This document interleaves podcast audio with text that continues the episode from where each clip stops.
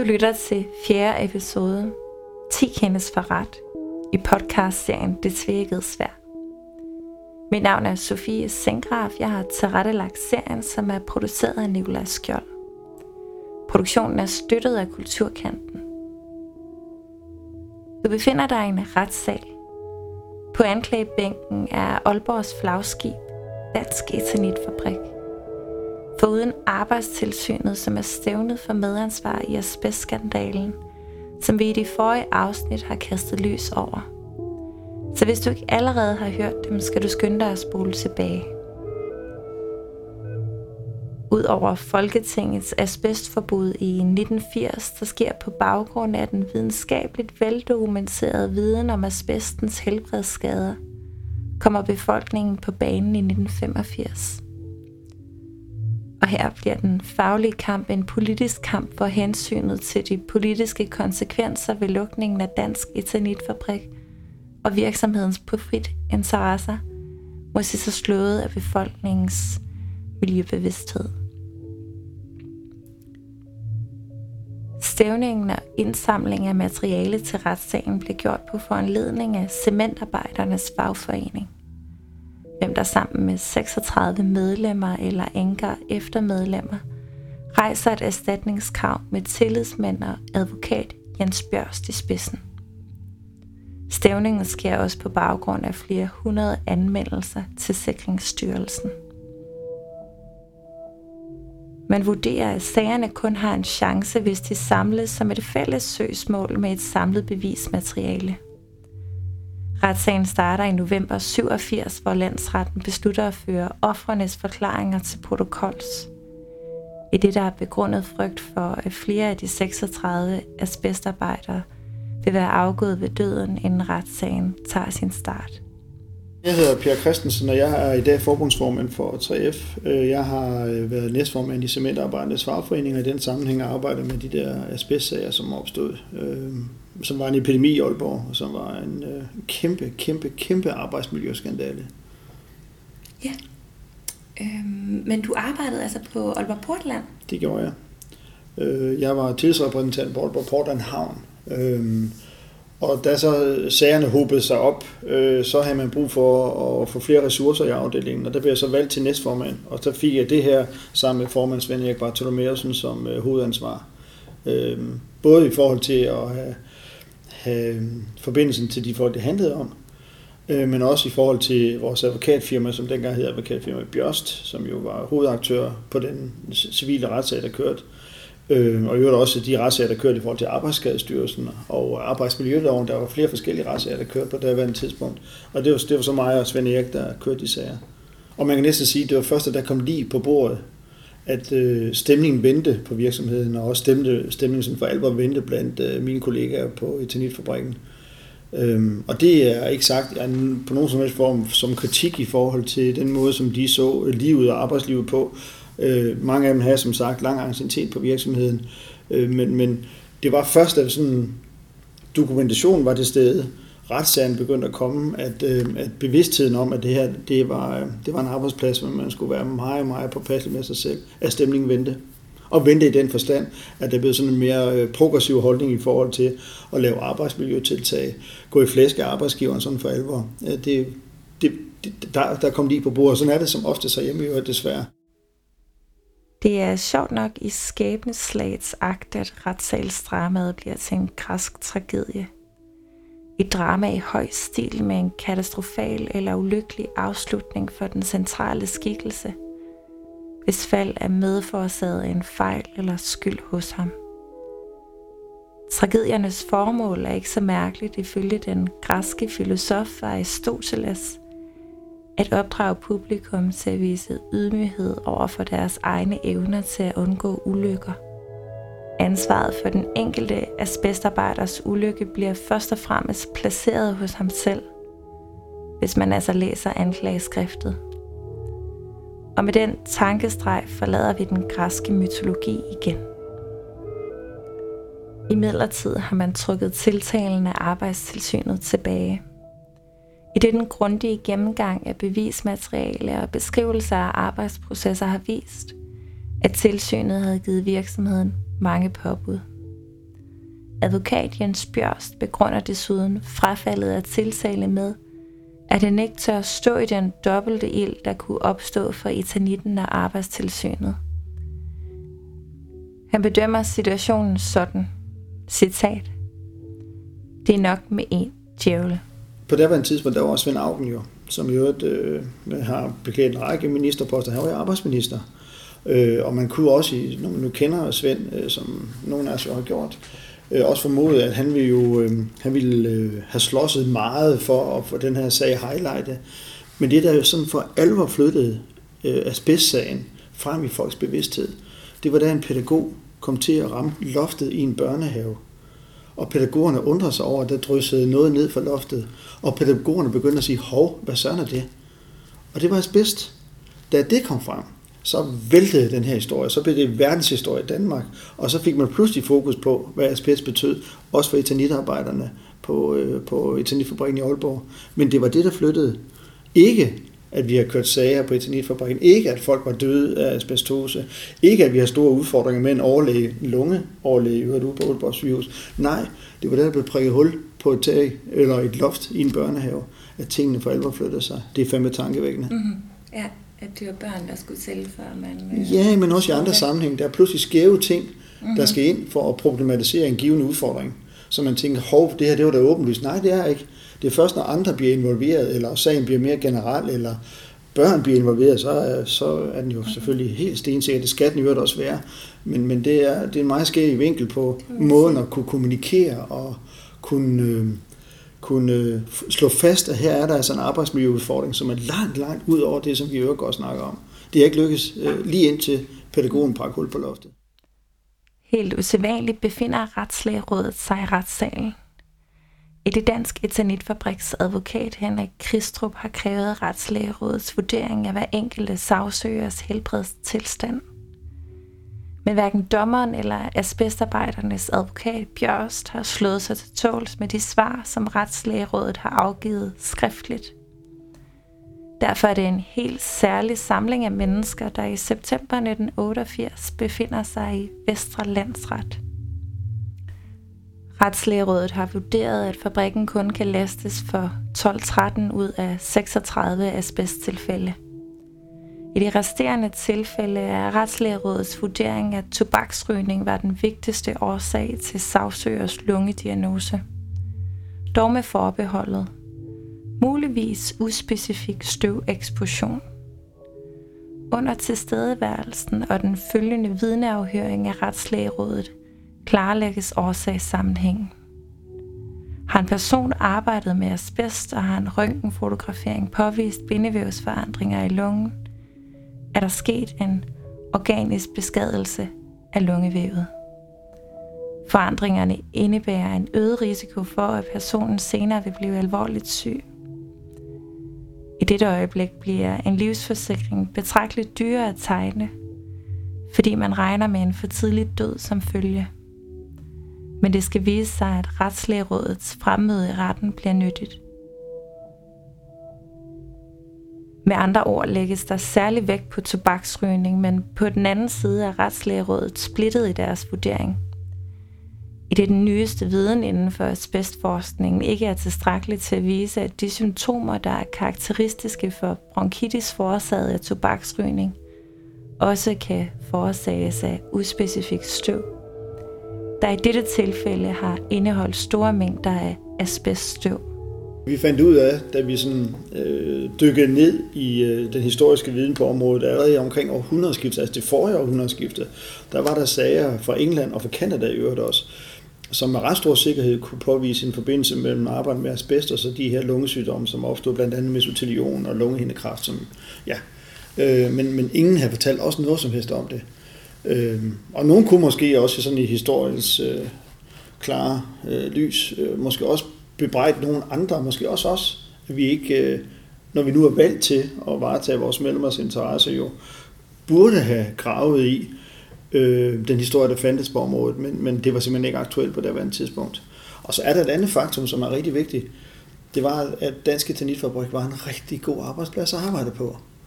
Øh, der var gode lønforhold, øh, gode relationer til arbejdsgiveren, og, og der var en høj grad af loyalitet mellem dem, der arbejdede på Eternitfabrikken, og så ledelsen på Eternitfabrikken. Det var vel i virkeligheden på daværende tidspunkt, vil jeg våge at påstå, hvis man ser helt bort fra de der frygtelige arbejdsmiljøsager, der opstod, vel Aalborgs bedste arbejdsplads. Øh, og det synes jeg er en vigtig vinkel her. Vestre Landsret afsag i dag dom i den såkaldte etanitsag fra Aalborg. Ved dommen blev Dansk Eternitfabrik dømt til at betale i alt 1.760.201 kroner i erstatning til 24 arbejdere eller deres enker. Fabrikken skal endvidere i sagsomkostninger betale i alt 177.100 kroner. Erstatningerne udgør den del af sagsøgernes tab, som de ikke har fået erstattet gennem den almindelige arbejdsskadeforsikring. Sagen var anlagt af 36 sagsøgere, der havde krævet ca. 3,2 millioner kroner i erstatning. Fabrikken er således ved landsrettens dom blevet frifundet for 12 af sagsøgernes krav. Det fremhæves i dommen, at det allerede i mellemkrigstiden blev kendt, at indånding af asbeststøv kunne fremkalde asbestose, og at det fra omkring 1950 til lige har været kendt, at indåndingen også medførte øget kræftrisiko. Fabrikken frifindes altså i 12 tilfælde på baggrund af, at faren ved asbest allerede i mellemkrigstiden var kendt. Først fra slutningen af 1970'erne har støvkoncentrationen været under det tilladte.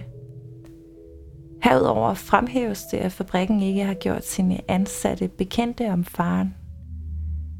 Hvad angår de 12 frifindelser, finder retten ikke grundlag for sagsøgers tab i forbindelse med arbejdet.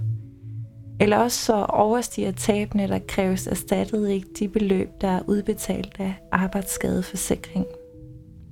Den samlede erstatningssum er altså lille, hvis man sammenholder dem med sagsomkostningerne, som SID og cementarbejdernes fagforening har haft. Et beløb, der i dag vil svare til omtrent 5,6 millioner kroner. Herudover bør det nævnes, at langt de fleste udgifter, der er til forsørgelse og invaliderede eternitarbejder, er betalt af samfundet – og så kan man tale om de 20% i selvrisiko for den enkelte arbejder. Det vil sige, at arbejdsskadeforsikringen højst dækker 80% af tabt arbejdsevne. Men ved dødsfald udbetaler man en mindre forsørgererstatning til samlever. Og så er der omvendt bevisbyrde. Det betyder, at det er arbejdstager og ikke arbejdsgiver, der skal bevise arbejdsskaden. Alligevel anker fabrikken dommen til højesteret, hvor dommen så stadfæstes. Indtil højesteret afsiger sin dom, er der ingen retspraksis for at idømme objektivt erstatningsansvar. Noget som Jens Bjørst forklarede således. Citat. Hvis politiet stopper en bilist, der kører for hurtigt, ja, så har pågældende bilist jo ikke fået lov til at fortsætte med at køre så hurtigt – det går jo ikke. Men får ikke lov til at overtræde landets love af den grund. Citat slut. Men det var ikke desto mindre, hvad Dansk Etanitfabrik gjorde. Derfor fastslog dommen for højesteret, at ingen etanitarbejdere selv var skyldige, i, at de havde pådraget sig sygdomme ved arbejdet med asbest. Det kan virke urimeligt, at den omvendte bevisbyrde kræver opslidende retssager, der udmunder i en erstatning, der på ingen måde kompenserer for de store tab, som ofrene og deres familie har lidt, som de så skulle bruge så mange kræfter på at bevise, og for nogle af dem deres aller sidste. Men er det rimeligt, at arbejdsgiveren gennem forsikringsprincippet kan betale sig for den risiko, andre er blevet udsat for? Det objektive ansvar, som betyder, at den ejer er fuldt erstatningspligtig for uheldet, uden at skyld skal påvises, kendes i dag for transport. De tre kriterier for objektivt ansvar er 1. At virksomheden er bekendt med risikoen. 2. At der kan etableres andre arbejdsgange.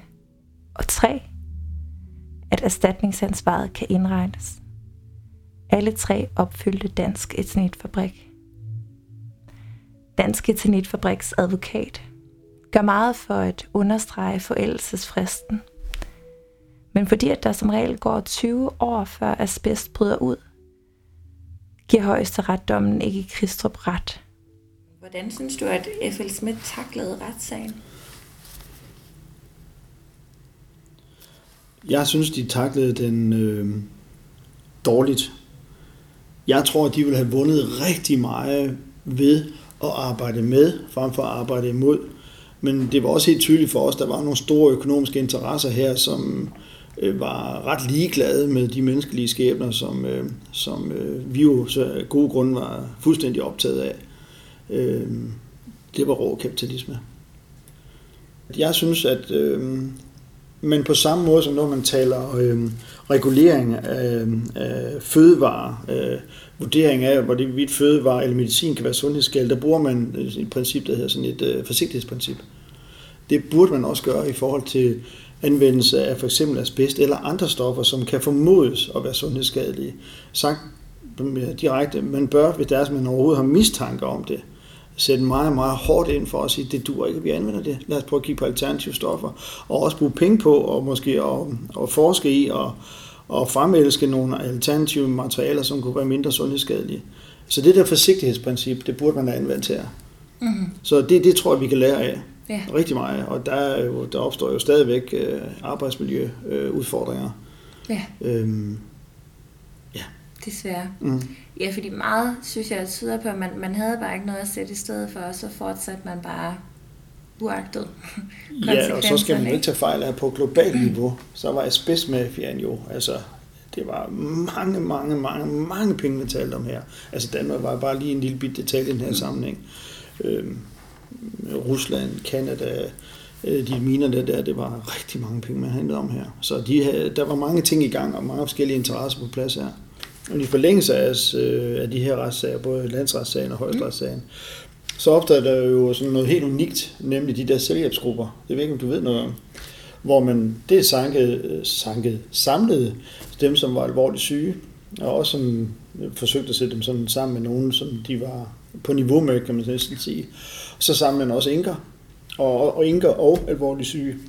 Så er var helt unikt øh, måde at gøre det på. Det var Aalborg Kommune, der stillede det til rådighed i virkeligheden. Fordi det var jo en, en, en epidemi mm. i Aalborg på det daværende tidspunkt. Ikke kun i Tanitfabrikken, jo også Aalborg, øh, Aalborg Værft og øh, tømmer og sådan noget, der gik og lavede ja, etanittag.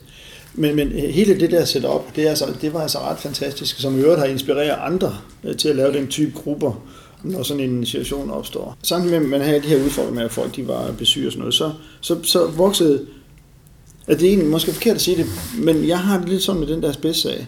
Det er i virkeligheden for mig og for fagbevægelsen, og også for mange af dem, der bliver syge, øh, apropos det der tvægge sådan en dobbelthistorie.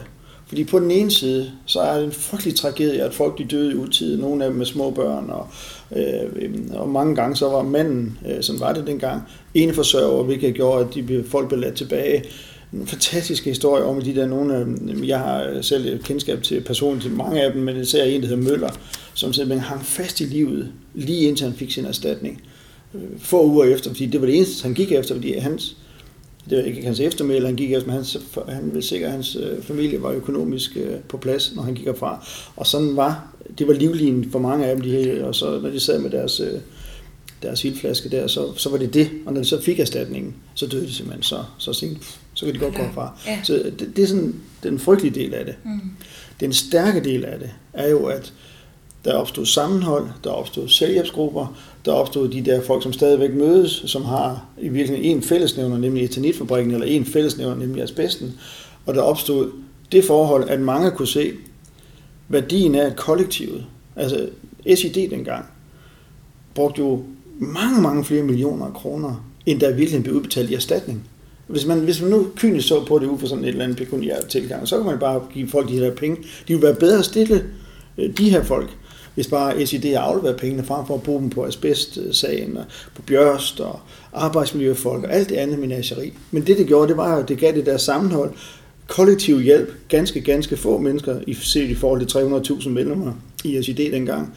Ganske få medlemmer, men de gjorde det. Altså de stærkeste skuldre bare den der frygtelige situation, det var i Aalborg, og det gav altså nogle stærke, stærke relationer, som, som også på den anden side, det er så det tvække skal, har, har, skal, svært.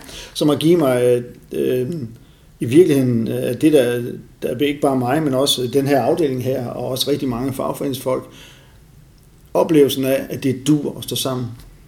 Ja. Fordi så kan vi noget, som ingen andre kan løse overhovedet.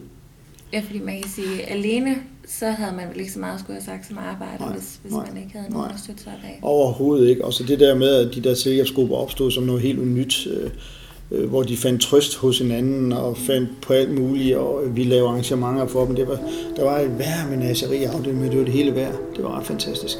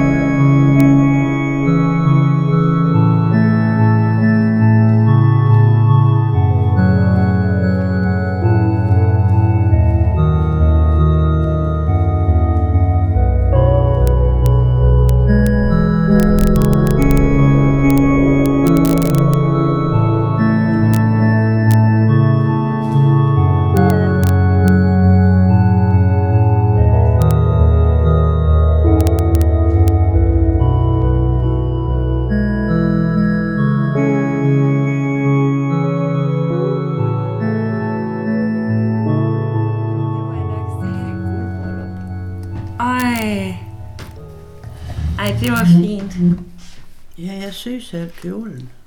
Hold da jeg, vil altid, jeg har altid vil så gerne sy.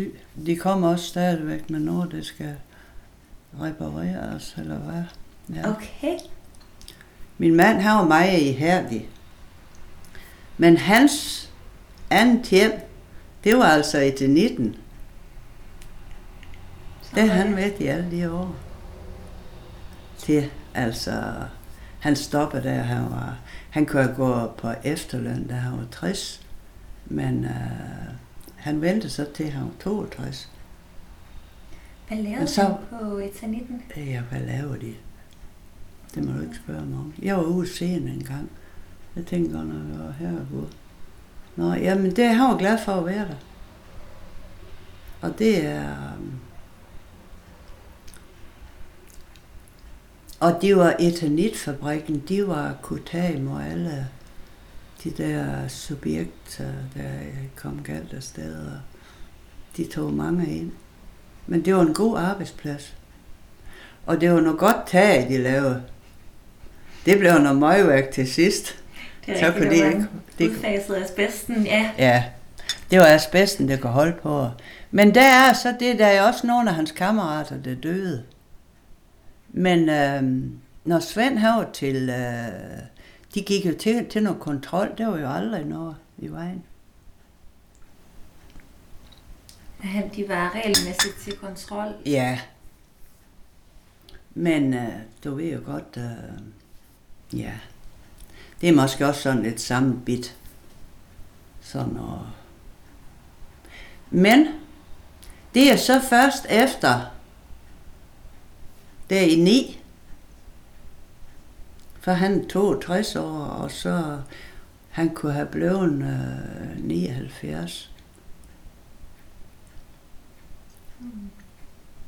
Og så går det hurtigt der i 2000. Der er så han bliver, øh, men han har nok også været til læge ind imellem. Det kan jeg slet ikke huske sådan, og hvordan forløbet det er kørt. Men der var de tog fat derop og så kunne de jo ikke gøre noget, og så ringede de jo. Og det var fra Jørgen sygehus? Ja, det var Jørgen sygehus, han kom op på. Og der var nemlig, han ringede hjem, vi skulle få fat, jeg skulle få fat i ham, kammeraten Olf Sørensen. Han kunne køre ind på fagforeningen og få nogle papirer, de ville have deroppe. Vi kunne få skrevet under på, han kunne få noget erstatning. Og det fik han. Det var godt. Men prøv at tænke, så var han op og få... Det der asbest, det ophober sig. Det er noget væske, der ophober sig i kroppen. Det var han oppe og få tømme to gange. Så ville han ikke mere. Men det er så fra den periode af januar, og så til han dør. Men han blev på etanitten i, i mange Det blev år. han nu til han var 62. Og så sagde jeg, jamen Svend, hvorfor har du givet at blive, jeg skal køre derud? Og det synes han, det kunne han lige så godt. Og så gik jeg også ned i løn, siger han. Ja, men din kone kunne få, så kunne din kone få. Men det, det har hans revisor ikke øh, oplyst ham om, men det er fagforeningen. Det gjorde de så dengang vi var 62. Så kunne vi komme ind og stå ret derinde. Der er noget, jeg skal, jeg skal huske at spørge dig om, Tove. Øhm, og det, det er egentlig noget med etanitten. I, I årene, hvor Svend arbejdede på etanitten, fik I så at vide, at asbest var farligt? Det er ikke, jeg kan sådan mindes. Nej, men det gik der nok nogle rygter om, men... Øh... Nej, det tror jeg ikke. Det var på tale dengang. Men det er så nok måske kommet efter, han stopper. Ja. Så kunne det være så farligt. Vi fik der også øh, på den ene side, der fik vi der, der var vist noget tegl på, tror jeg. Så fik vi sådan et prøvetag. Men det var det, vi sagde, det er sådan ikke så godt. Det begyndte sådan at skalle lidt af. Det har været uden asbest, Ja. formodentlig. Ja, ja, det var da de lavede om på. Så. Men min svigersøn, ham har min mand, der får ind, han var jo smed. Han øh, var med nede og sætte fabrikken op dernede i Tjekkiet, var det vist. Men hvad de kører med dernede, det er ikke noget, jeg ved. Nej, det ved jeg Det heller har ikke. Danmark nok ikke noget. Det, øh, og jeg vidste den. Jeg kan ikke forstå, hvis de, øh, hvis de blev ved med den. Det der, det, de døde sgu ikke. De kunne ikke holde i ret mange år. Det, øh, at det andet produkt har virkelig været... Øh, Det er der slidstærkt. metanitten i de gamle tage, det var bedst. de holder endnu, tror jeg. Ja, Det, øh, ja for dem kunne de bare få renset af og så formale. ja, selvfølgelig. Ja. Men de andre her, det, jamen, så var der nogen, der fik de godt nok de nye tag. Men så fik de dem, øh, jeg ved ikke om de fik noget lidt erstatning og fik dem malt, så de kunne holde lidt længere. Men øh, det ved jeg ikke. Det, det var jo ikke. Jamen der Svend stopper der, der var det jo, men vi fik det der prøvetag. Men det var at skal af. Men han stoppede altså på fabrikken, da han Blev blev 62. 62. Ja. Ja. Og han døde så i øh, den 29. øh, marts i 9. Og der har han, hvor gammel var han der? I 2000? Der var han øh, 79. Ja. Ja.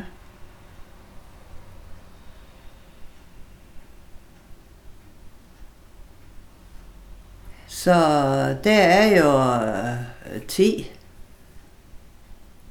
Der er jo så 19 år, han var her godt nok i. Altså det er så lige, kun lige de sidste tre måneder, hvor man kan sige, øh, Ja, fordi han var ikke pladet op til... Ej. Øh, det var han ikke. så det, det kom egentlig lidt som en... Øh, I blev vel meget overrasket, da I fik Ja, at vide, at han... Og lægen ringer til mig. Jeg er virkelig godt nok chokeret. Det er han heller ikke regnet med. For han har jo nok været ved lægen nogle gange. Men hvor meget og hvor lidt og hvordan.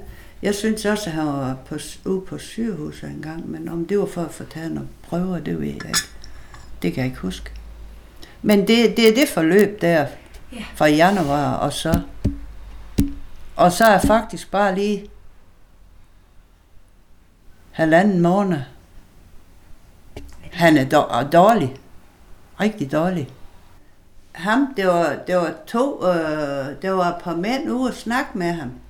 Ja. Og der siger de nemlig, der Svend han øh, nævner det der med koldergang. Jeg ved så ikke, hvad det er. Og så, så mente han i hvert fald, at øh, ja, så var det øh, rigtigt nok, han skulle have noget erstatning. Men det gik ret hurtigt, han fik det, inden han døde. Okay, så han... han Men det er fordi, ham uh, Olaf Sørensen, hans kammerat, var inde og hente det, og vi kørte op med det. Ret Og hurtigt. han gjorde det. Ja. Og så din mand vidste selv, at han fik en erstatning. Det må have været... Ja, ja, ja. Det må Ja, have ja, været ja. for. Fordi uh, en af dem derinde var ude ved os.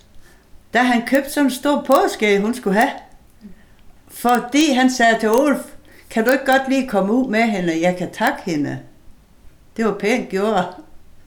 Det var Hold da op. Nå, Nå, det var det, han har købt det påske til. Jamen, det har han jo så været afsted en dag. Og, jamen, jamen, det er også det, han blev ved at køre rundt.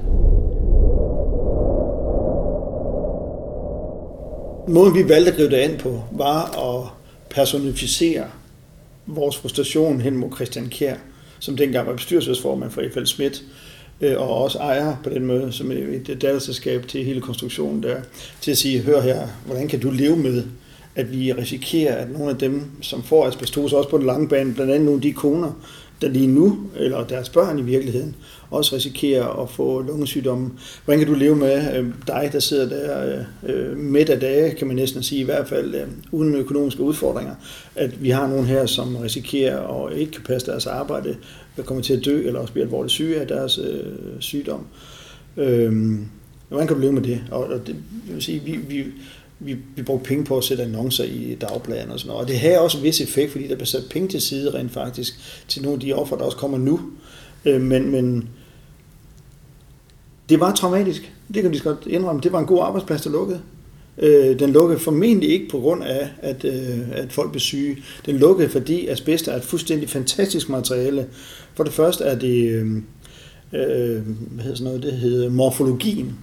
Altså måden, dens fysik er jo helt, helt unik. at Det, er, det kan ikke brænde, og, og det består i virkeligheden til evig tid, hvilket øger der er udfordringen, når folk får ned i lungerne. Øhm, og, og så forsøgte man at erstatte det med et stof, som jeg ikke kan huske, hvad hedder det. Det kan jeg heller ikke. Nej, og, og, og det gjorde, at etanitpladerne ikke havde samme kvalitet som tidligere, og det gjorde, at de fik nogle kvalitetsudfordringer og sådan noget. Så der var mange, udover den sag, som selvfølgelig mm. sådan omdømmemæssigt var et kæmpe problem for FL Schmidt, så var der også noget omkring kvaliteten på etanitpladerne, som jeg tror, jeg tror de har rettet op på sidenhen, uden brugen af, mm. uden brugen af øh, asbest. På baggrund af erstatningskravene for husejere, der har købt dårlige asbestfri tagplader, der er produceret efter asbestforbuddet, blev Dansk Etalitfabrik i 1994 splittet i to selskaber. Det gamle selskab, som skal stå til ansvar over for husejerne, får navnet Dansk Etanitfabrik 1994, mens det nye, der overtager produktionen, kommer til at hedde Dansk Etanit. Begge dele hører fortsat ind under FL Schmidt. I 2002 besluttes det at flytte næsten hele produktionen til søsterselskaber i Polen og Tjekkiet. I 2003 stopper produktionen i de store fabrikshaller, der fylder hele fabriksområdet langs Østre Allé og Sønderbro. Torsdag den 1. juli kl. 12.55 stopper produktionen på det sidste produktionsanlæg. Du har lyttet til fjerde episode, 10 kendes for ret, i serien Det tvækkede svær. Tak for, at du lyttede med. Og tak til de medvirkende, Per Christensen og Tone Nielsen.